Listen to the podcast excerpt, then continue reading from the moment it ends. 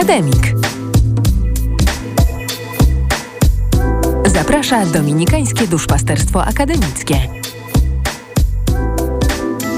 Po dość długiej przerwie wracamy na antenę z akademikiem i dzisiaj znowu mamy bardzo damskie grono. Y, program prowadzi Marta, Ania, y, a naszym gościem jest też Marta, absolwentka optometrii, a właściwie pracująca już optometrystka i tutaj zaznaczam, żeby nie mylić ani z optykiem, ani z okulistą.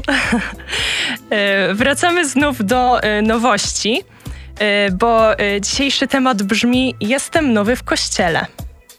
I pierwsze pytanie, które chciałybyśmy zadać naszemu gościowi, brzmi: jak wyglądały Twoje poszukiwania? Te w wierze, te w różnych religiach? Jak hmm. wszystko to się zaczęło?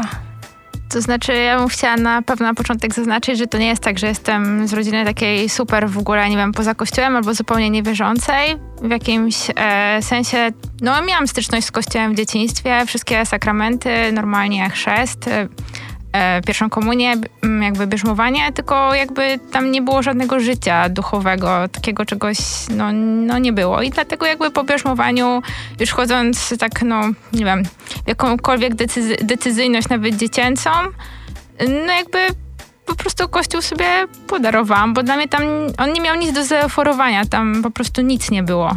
Nic, tylko jakby sam kwestia, nie wiem, obowiązków, spełnienia jakichś tabelek, pierwszych piątków miesiąca, więc ja po prostu szukałam, czy cały czas czegoś szukałam, jakby, bo dla mnie tak rzeczywistość taka sama w sobie, ten świat musiał mieć jakiś sens. Mm, a też jakby byłam trochę fizykiem e, już od dziecka, więc czegoś szukałam. I otarłam się o buddyzm, o medytację, to jakby takie nurty miały dużo więcej do zaoferowania, jeśli chodzi o takie życie, no życie wewnętrzne, życie modlitewne może, no, może nie modlitewne, ale bardziej o medytacyjne, to jest to słowo. No i potem, ym, ponieważ tam też nic ostatecznie jakby nie było takiego pociągającego, no to był ateizm, taki racjonalny, gdzie już jakby matematyką, fizyką można było sobie cały świat uzasadnić. Ale za tym ostatecznie też szła pustka tak naprawdę, no bo człowiek jakby zostaje sam i tworzy się takie osamotnienie. Potem może to wypełnić różnymi takimi rzeczami, pasjami, sportem, ale to ostatecznie znowu będzie niosło pustkę i będzie zawsze dochodził, że osiągnie to, co chciał, no osiągnie to, no i co dalej? No i dalej jest pustka, znowu depresja i znowu dalej zaczyna szukać i nie można szukać w nieskończoność. Czyli, czyli w końcu twoje poszukiwania doprowadziły cię do... E, do tego, że jakby znaczy ta pustka ostatecznie, no w jakimś sensie zetknęłam się z kościołem. Ja miałam takiego dość mocno wierzącego znajomego i z nim się spotkał. On mnie jakoś, nie wiem, no nie wiem, w sumie nie pamiętam do końca, jak doszło do tego spotkania. To był może przypadek, może Duch Święty. E, I my się spotkaliśmy właśnie jakoś na trzecim roku, jak byłam na studiach. E, jakby wtedy jeszcze nie do końca rozumiałam, o czym mi opowiadał. On właśnie opowiadał od strony e, duszpasterstwa, też akademickiego, tylko u franciszkanów. Jakby opowiadał mi o życiu e, tam.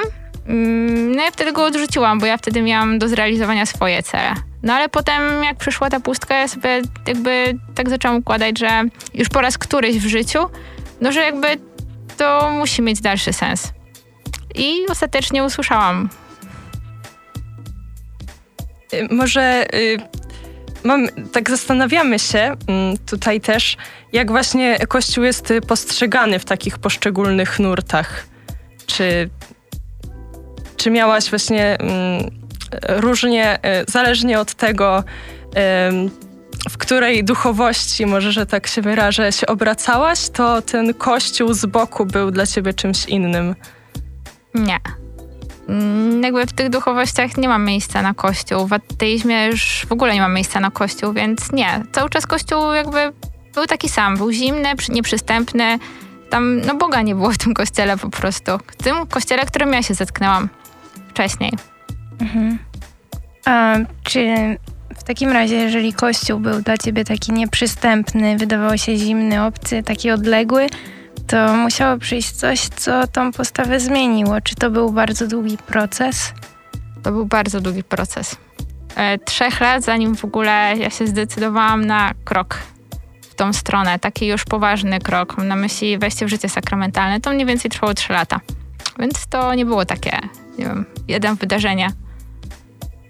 Czyli na początku, przychodząc do kościoła, zajmowałaś taką bierną pozycję takiego obserwatora. Czy śledziłaś, co tam się dzieje, czy mm, próbowałaś jakoś w tym uczestniczyć, czy byłaś zupełnie wycofana? Mm, to znaczy, ja wchodząc do kościoła, dominującym jakby uczuciem był lęk. Jakby lęk, a z drugiej strony coś, co jednak tam pchało. Jakieś takie mm, pragnienie, e, jakby doświadczenia tego, o czym, o czym się usłyszało, czyli no, takiego jakby głębokiej relacji z jakimś, mm, no z Bogiem. E, no i ten lęk powodował, że Mm, też jakby ten lęk jeszcze może inaczej. On wzrastał pod wpływem takiego czegoś, że jakby, no idzie się, mm, po nie wiem, po 10 latach na Eucharystię, człowiek nie rozumie w ogóle, co się dzieje. Ludzie klękają, wstają, coś odpowiadają, potem wszyscy idą do ołtarza i to w ogóle, no to po prostu jest niesamowite. W ogóle tego się nie da zrozumieć. No więc sobie się dałam, znaczy stałam, wchodziłam sobie do kościoła i byłam takim obserwatorem, sobie obserwowałam całą mszę. Tak pod ostatnią kolumną to, to też trwało długo. tak, z rok. A y, właśnie mówiłaś y, o tym właśnie, że y, Kościół kojarzył ci się właśnie z, y, z takim zimnem, nieprzystępnością. Y, czy właśnie jako y, osoba, która nie miała takiego życia religijnego w kościele, czy właśnie w Twojej myśli, nie wiem, w Twojej świadomości było coś takiego właśnie jak dogmaty, jak obecność Jezusa w Najświętszym Sakramencie?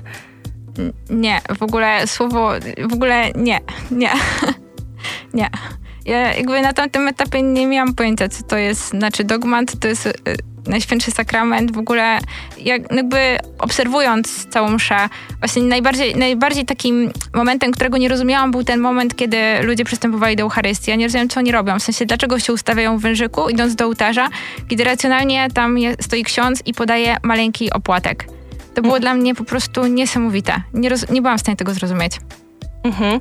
Ale właśnie, czy... Y miałaś takie doświadczenie jakiejś takiej wrogości, może um, obśmiania tego, bo ja sama miałam kiedyś właśnie taką e, sytuację rozmowy z osobą niewierzącą, która raczej e, kiedy wymienialiśmy myśli, e, kiedy opowiadałam jej o swojej wierze, raczej reagowała na to takim wyśmianiem, że przecież to wszystko jest niemożliwe, żeby e, dziewica urodziła syna, żeby. No i to było raczej y, temat do żartów, a nie do takiej dyskusji też na poziomie. Jak, jak ty to odbierałaś? Czy to nie było też dla ciebie powodem do jakiejś takiej śmieszności?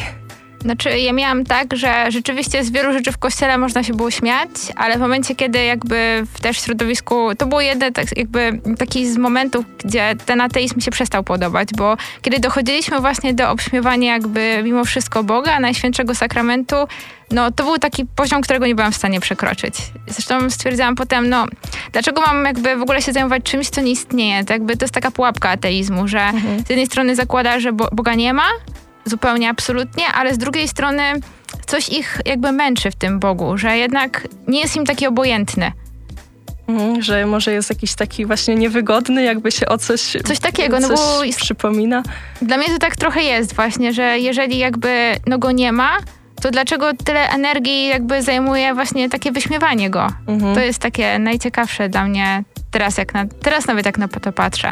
Mhm. Czyli jednak e, mimo wszystko oprócz tego, że Kościół wydawał ci się taki zimny, był um, dla ciebie ciągle bardzo intrygujący. Tak, tam było coś, jak już trafiłam jakby właśnie do Dominikanów, to tam było coś, co było fascynujące.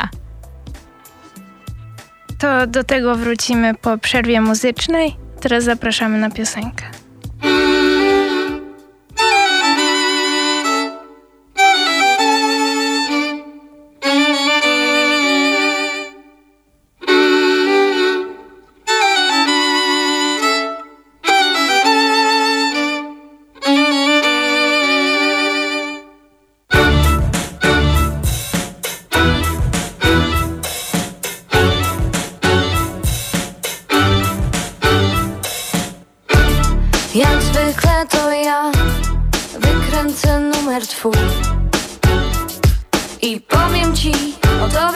Tobie piszę znów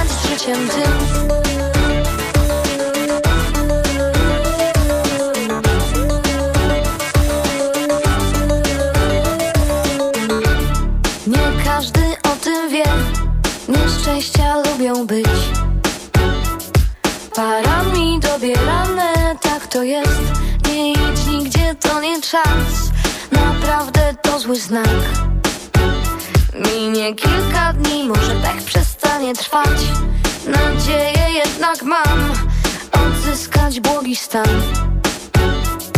Do wielu łez niewiele trzeba mi Ale to nie mój cel Żeby się ofiarą stać. Posłałam już, więc teraz idę spać. Nawet mnie nie znasz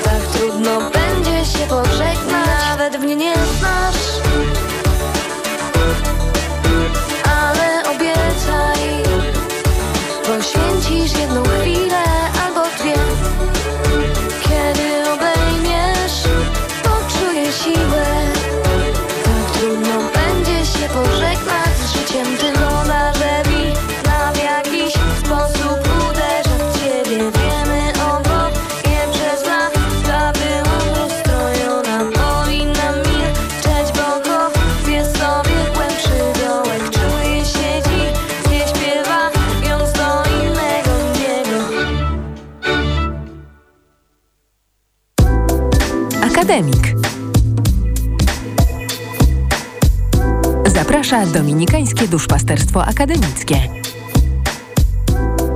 Wracamy do rozmowy z naszym gościem. Przed przerwą e, pytałyśmy o to, co w kościele mimo wszystko Martę intrygowało, e, chociaż wydawało jej się taki zimny, nieprzystępny, obcy. Więc e, chciałybyśmy jeszcze mm, teraz, aby jakoś rozwinęła swoją wypowiedź. Właśnie jaki aspekt w tym kościele był tym, co najbardziej cię przyciągało, co było takim magnesem? Czy to była wspólnota, czy sam kościół, a może to był tylko jakiś środek, który prowadził cię do celu, który miałaś tam gdzieś z tyłu głowy? Mm, Znaczy do kościoła najbardziej jakby pociągało takie sakrum.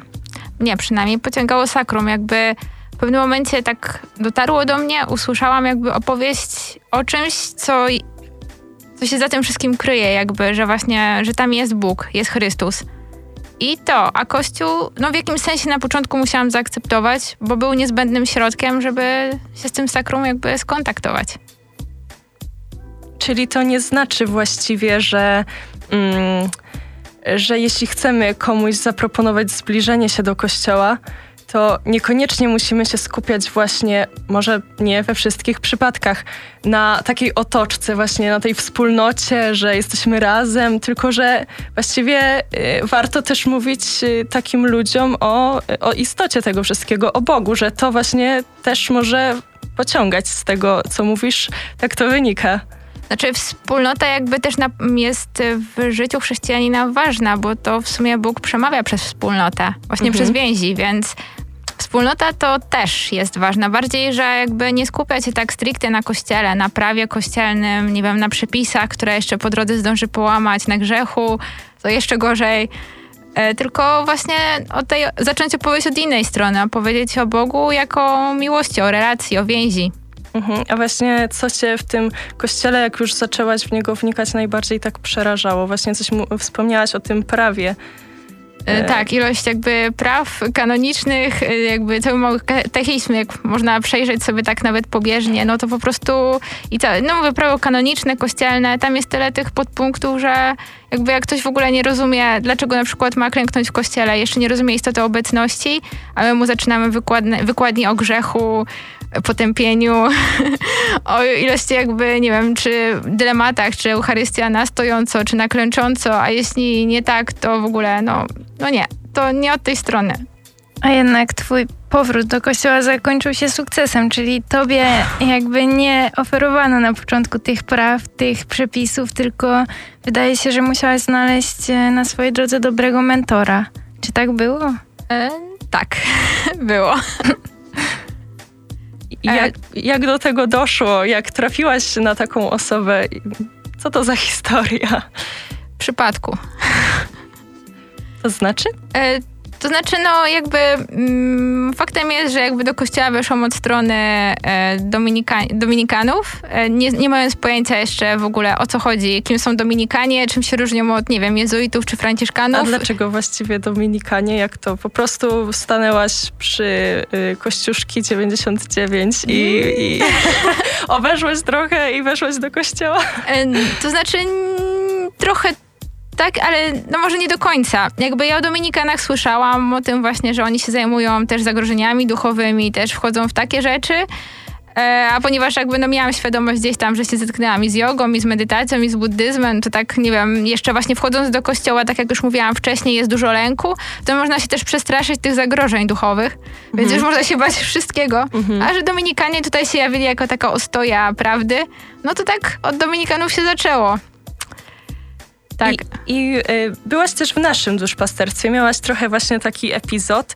Czy właśnie y, było tak, że y, do duszpasterstwa weszłaś już na początku tej swoje, tego swojego powrotu, czy to y, było właśnie dopiero po jakimś czasie, że to zależy, który moment uznamy jako powrót. Mhm. Jeżeli mówimy o życiu sakramentalnym, to na początku życia sakramentalnego. Mhm. Natomiast jeżeli w ogóle na początku jakiegoś takiego styku z kościołem, to nie. To jeszcze tak półtora roku chodziłam sobie tak na różne msze, zanim w ogóle wiedziałam jakby o co chodzi i co muszę zrobić dalej. Mhm. Zanim tak świadomie zaczęłaś doświadczać tego wszystkiego. Na początku też nie, nie, jakby nie doświadczałam jeszcze świadomie. Ja bardzo długo miałam problem z tym, co to znaczy obecność w Eucharystii Chrystusa. Ja tego w ogóle nie rozumiałam. Mhm. Dla mnie to było w ogóle no, nie do pojęcia, że jakby Bóg jest y, tu, tu i teraz obecny. A w takim razie... Y, y, jak wyglądało zdobywanie takiej y, wiedzy też religijnej w tym czasie? Y, właśnie skąd czerpałaś y,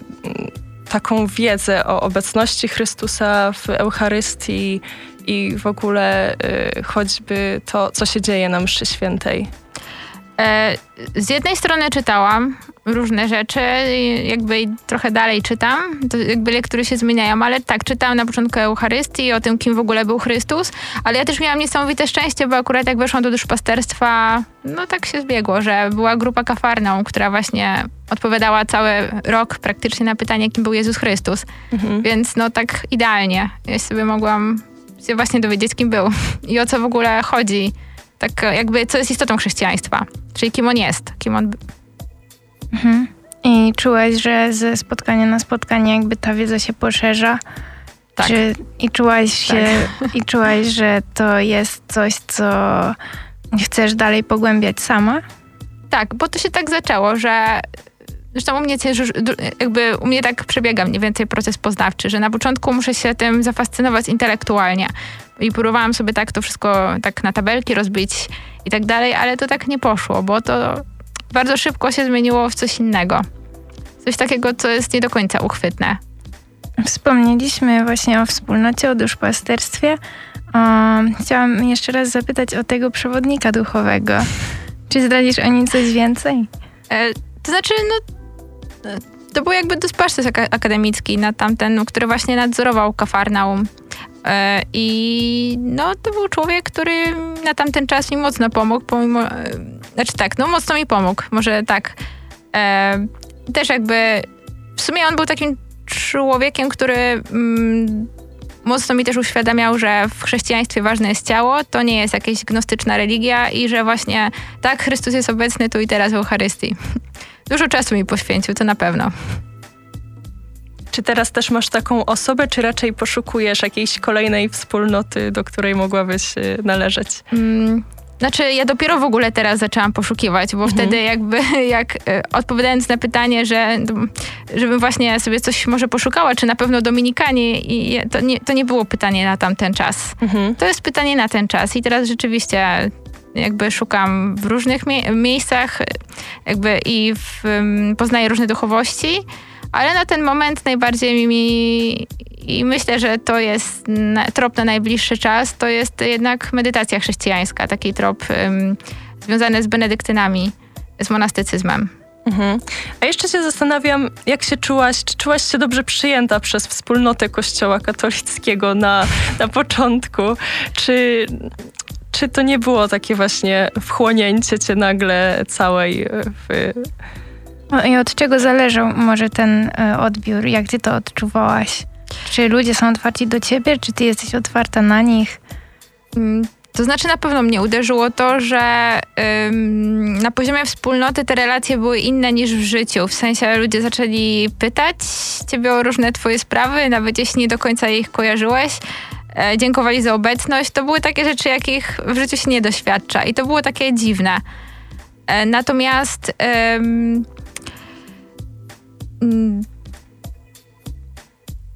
jakby też postrzeganie to jak postrzegamy relacje zależy od naszego wnętrza i ja miałam taki też duży opór, duży lęk i mimo wszystko duży dystans. Tak, no, droga zaufania to jest długa droga, nie da się tak od razu zaufać i otworzyć.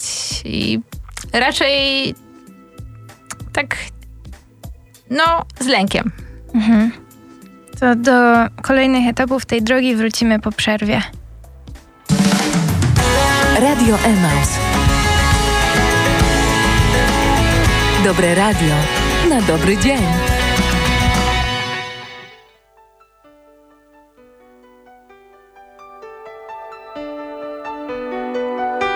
Put on my blue suede shoes and I boarded the plane.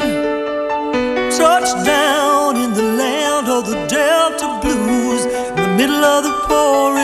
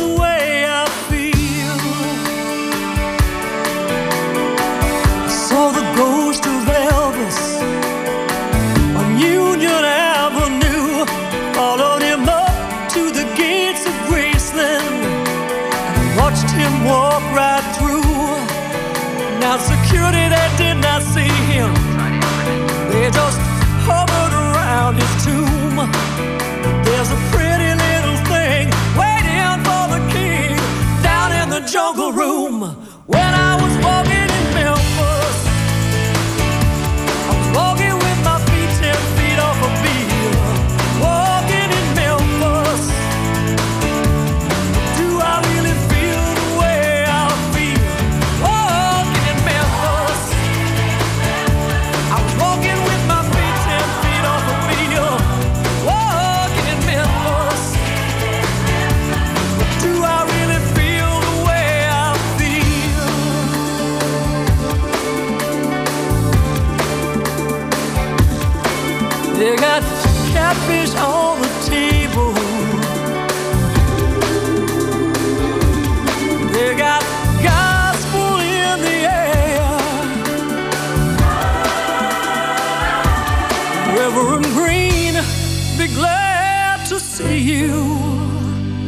when you haven't got a prayer.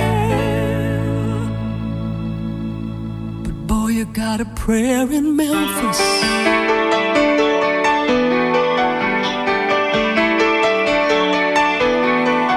Now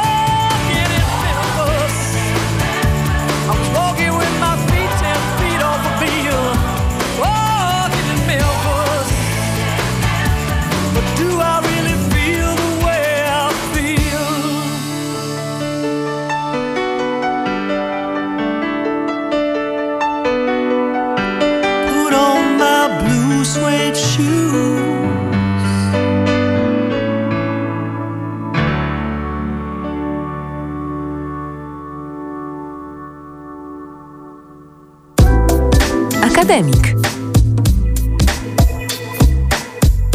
Zaprasza Dominikańskie Duszpasterstwo Akademickie. Rozmawiamy z Martą o byciu nowym w kościele i jeszcze y, tak trochę nawiązując do poprzedniej części, y, jesteśmy ciekawe, jak wyglądało Twoje pierwsze takie świadome spotkanie z, już z samą Eucharystią.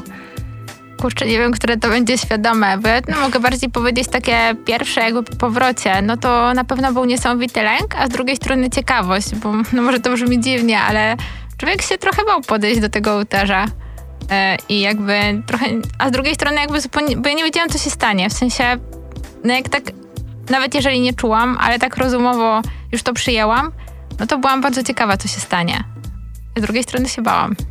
To były dwie takie emocje, które się naprzemiennie A po, tym, a po tym doświadczeniu właśnie to te emocje jakby w coś się zamieniły, czy jakby odeszły? Co się wówczas pojawiło?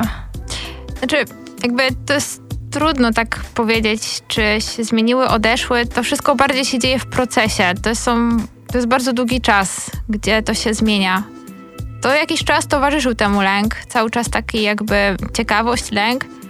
Mm, I to stopniowo jakby się przeradzało w takie, ja nie powiem, że zaufanie, bo ja nie powiem, żebym ja dalej jakby ufała Bogu. To jest bardzo, myślę, długa droga, zanim my umiemy Mu zaufać naprawdę. Ale jakby zmienia się to doświadczenie obecności. Tak mniej więcej mogę powiedzieć, że po pół roku gdzieś tak już to przyjęłam. Przestałam mieć z tym taki duży problem, że na pewno. No właśnie, i tutaj też y, chciałybyśmy poruszyć taką kwestię. Y, jak wygląda podejście do wiary między właśnie y, między osobami, które są w tym kościele mocno od samego początku, od dziecka, od kołyski, a takimi, które właśnie mm, trochę gdzieś tam y, odeszły na bok albo nie miały właściwie takich silnych doświadczeń. I Marta, może Marta prowadząca. Marta, to jest problem w komunikacji. Jak to wyglądało u ciebie? Może zapytam najpierw, wywołam cię do tablicy.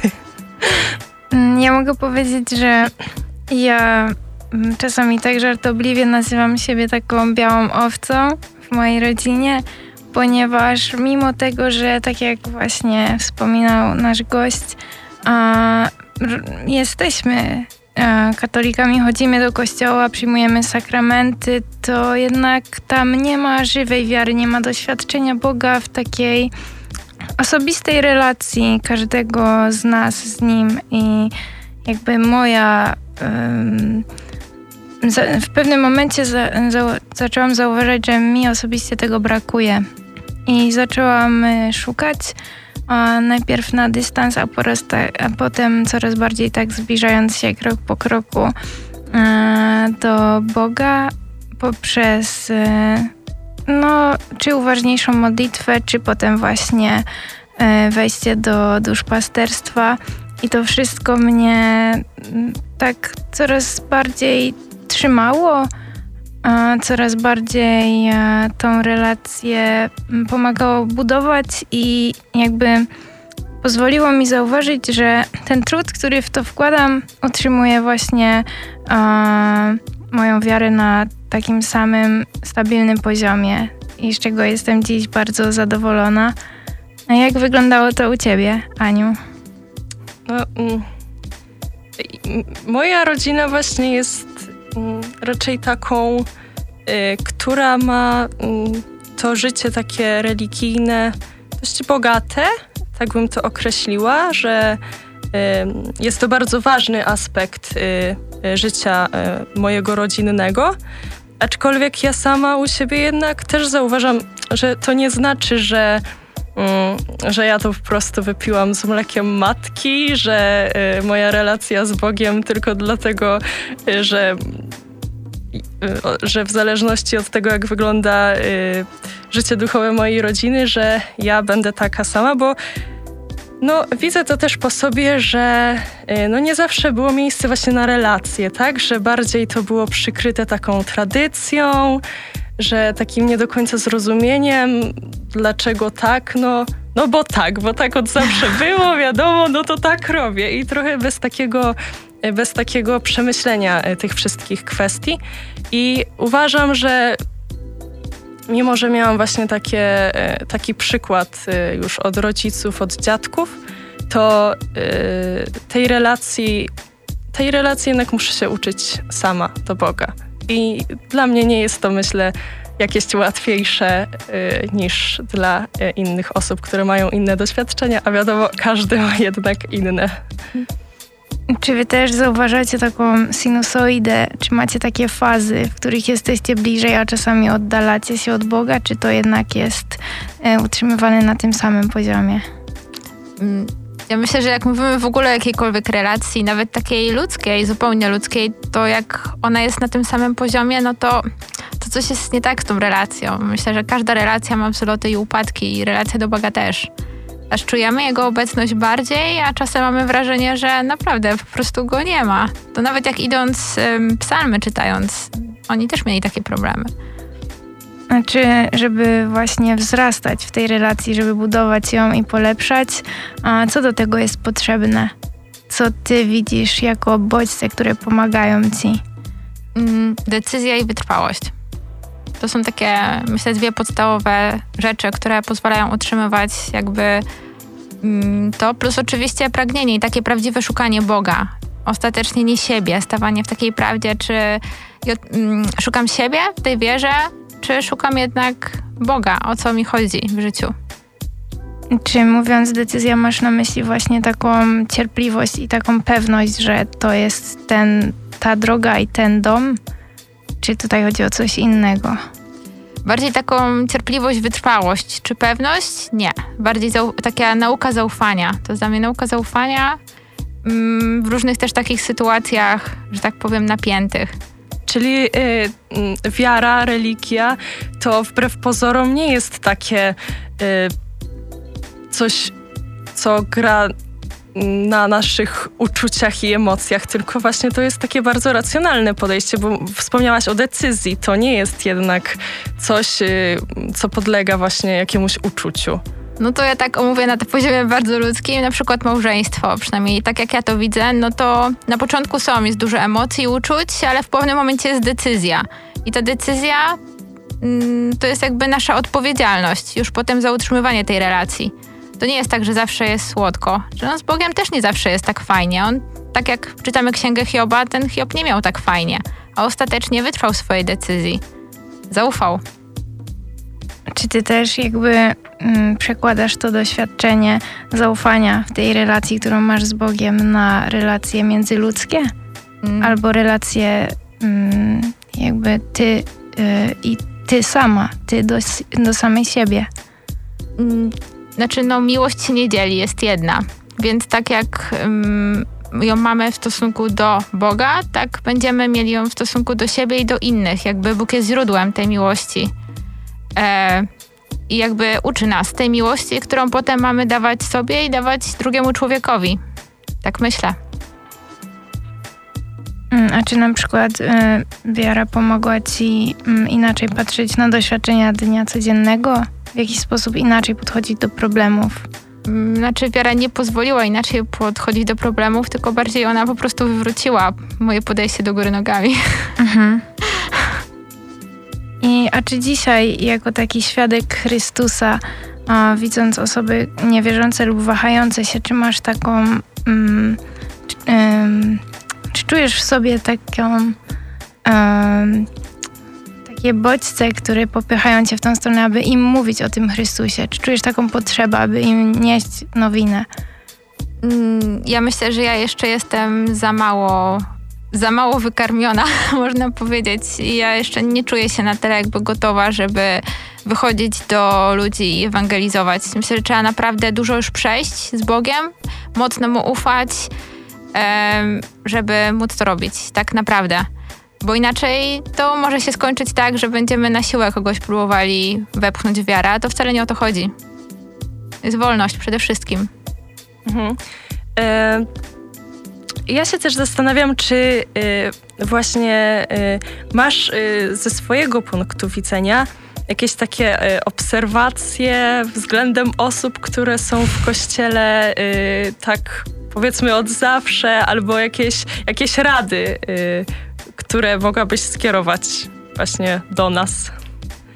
To znaczy, mm, ja może powiem trochę inaczej, ale w kościele najbardziej mnie jakby przeraża i odpycha zajmowanie się, no przepraszam, ale takimi pierdołami po prostu.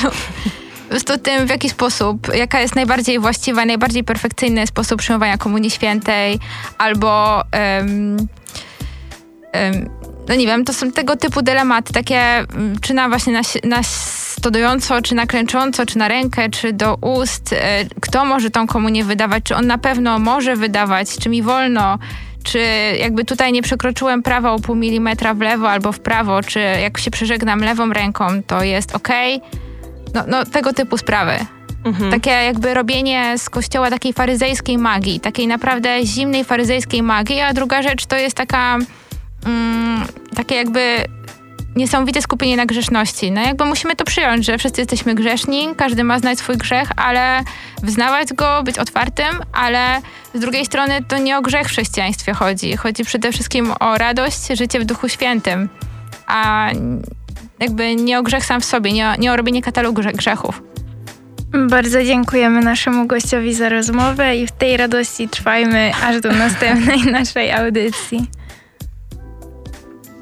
Radio Emaus. Na dobry dzień.